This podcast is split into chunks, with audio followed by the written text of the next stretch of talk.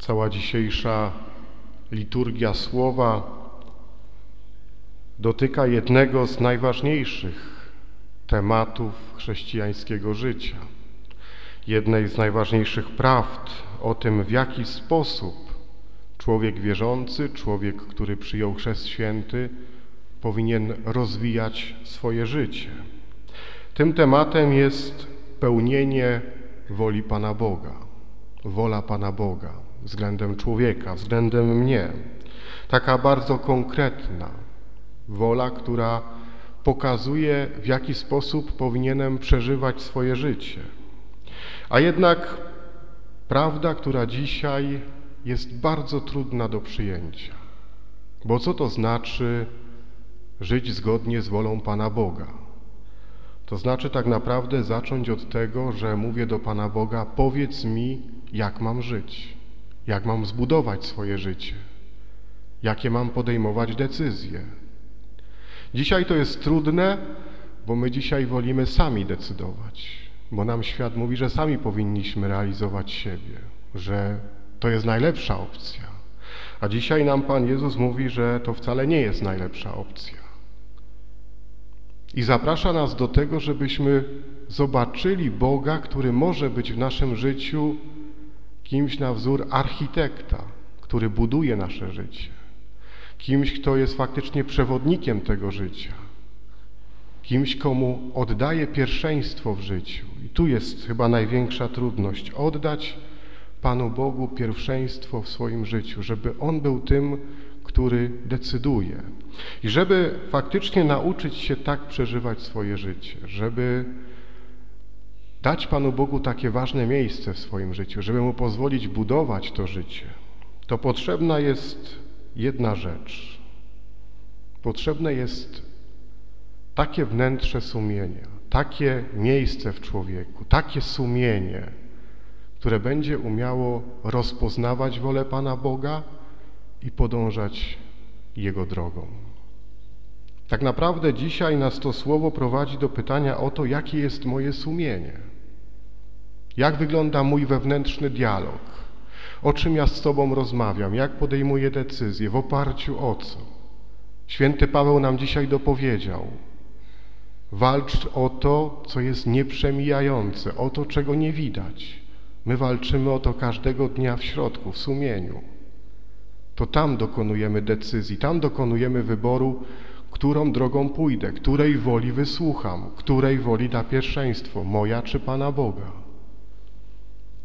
I żeby mieć takie sumienie, które będzie umiało wybierać tą wolę Pana Boga, odkrywać tą drogę, którą ma dla mnie, to trzeba przynajmniej dwóch rzeczy, a one wydają się chyba takie najważniejsze.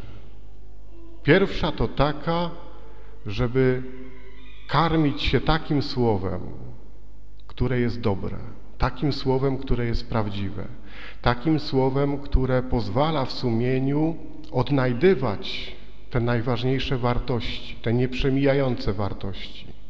Takim słowem, które ma siłę przekonywania do tego, że to jest dobra opcja.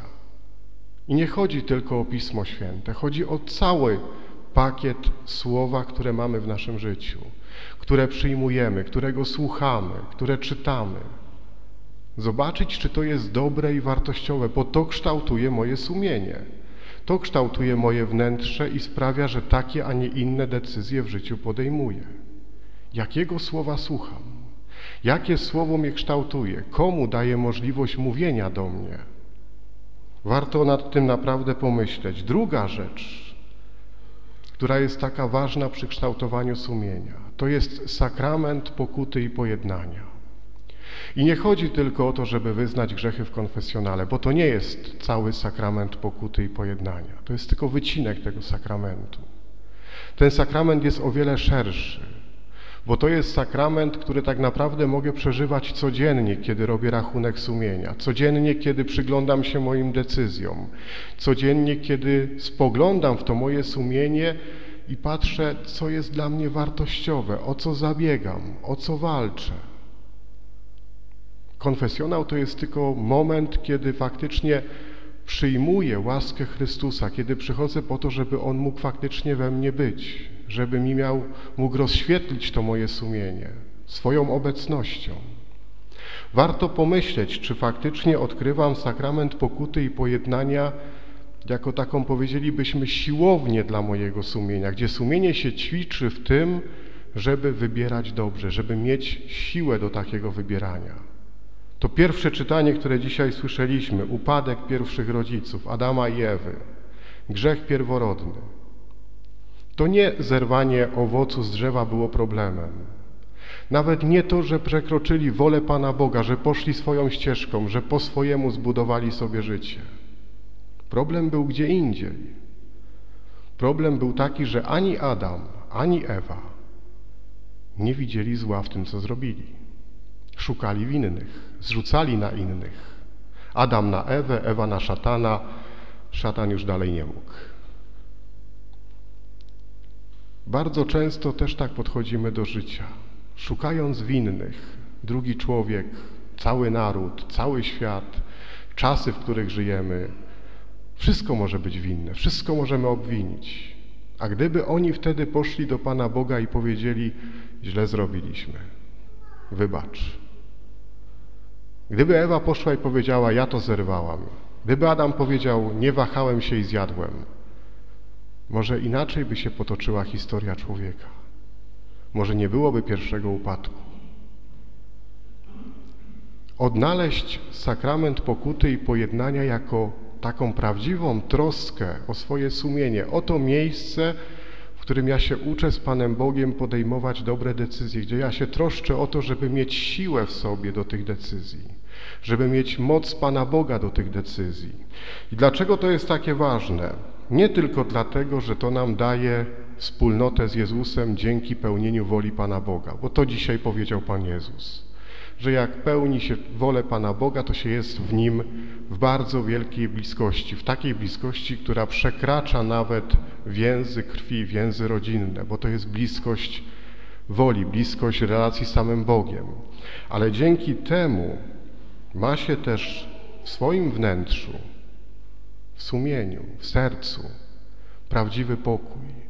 Bo gdybyśmy odnieśli tą przypowieść Pana Jezusa nie tylko do takiego bardzo umiejętnego pokazania uczonym w piśmie, faryzeuszom, jak są mało inteligentni i jak bardzo próbują skompromitować kogoś, kto nic takiego nie robi, bo przecież po to była ta przypowieść.